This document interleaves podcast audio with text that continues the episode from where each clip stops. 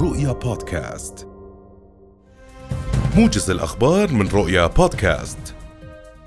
قال الناطق الإعلامي باسم وزارة المياه والري عمر سلامة إن ظاهرة الاعتداءات على المياه في الأردن مسلسل قديم جديد لا ينتهي وأحد أبرز التحديات التي يواجهها قطاع المياه في الأردن.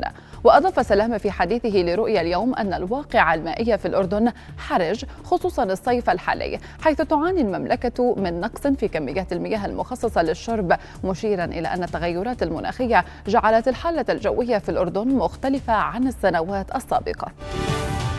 قال مدير المناطق المحمية في الجمعية الملكية لحماية الطبيعة عثمان الطوالبة إنه تم إجراء مسح أولي لمكان الحريق الذي اندلع في محمية اليرموك في محافظة إربد والذي امتد على مساحة 1600 و300 دونم وأضاف الطوالب في حديث لرؤيا اليوم أن هناك تحقيقا موسعا للوقوف على الأسباب التي أدت إلى اندلاع الحريق وأن معظم المؤشرات تشير إلى أن الحريق مفتعل وأشار إلى أن النتائج الأولية تشير إلى أن نحو 500 أو 500 شجرة تعرضت للحريق بشكل جزئي بالإضافة إلى ألفي شجيرة صغيرة.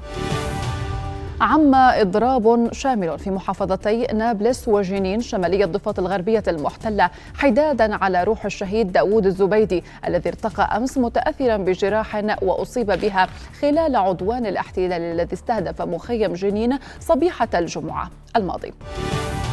قالت مراسلة رؤية في بيروت أن عمليات فرز الأصوات في الانتخابات التشريعية ما زالت مستمرة. وأضافت أن النتائج الأولية تظهر تبدلا في صورة المجلس النيابي وإن لم تكن على قدر التوقعات والزخم الذي رافق العملية الانتخابية مؤكدة أن النتائج النهائية لن تصدر في الوقت القريب مشيرة في ذات السياق إلى أن نسبة تصويت المقترعين بلغت 41%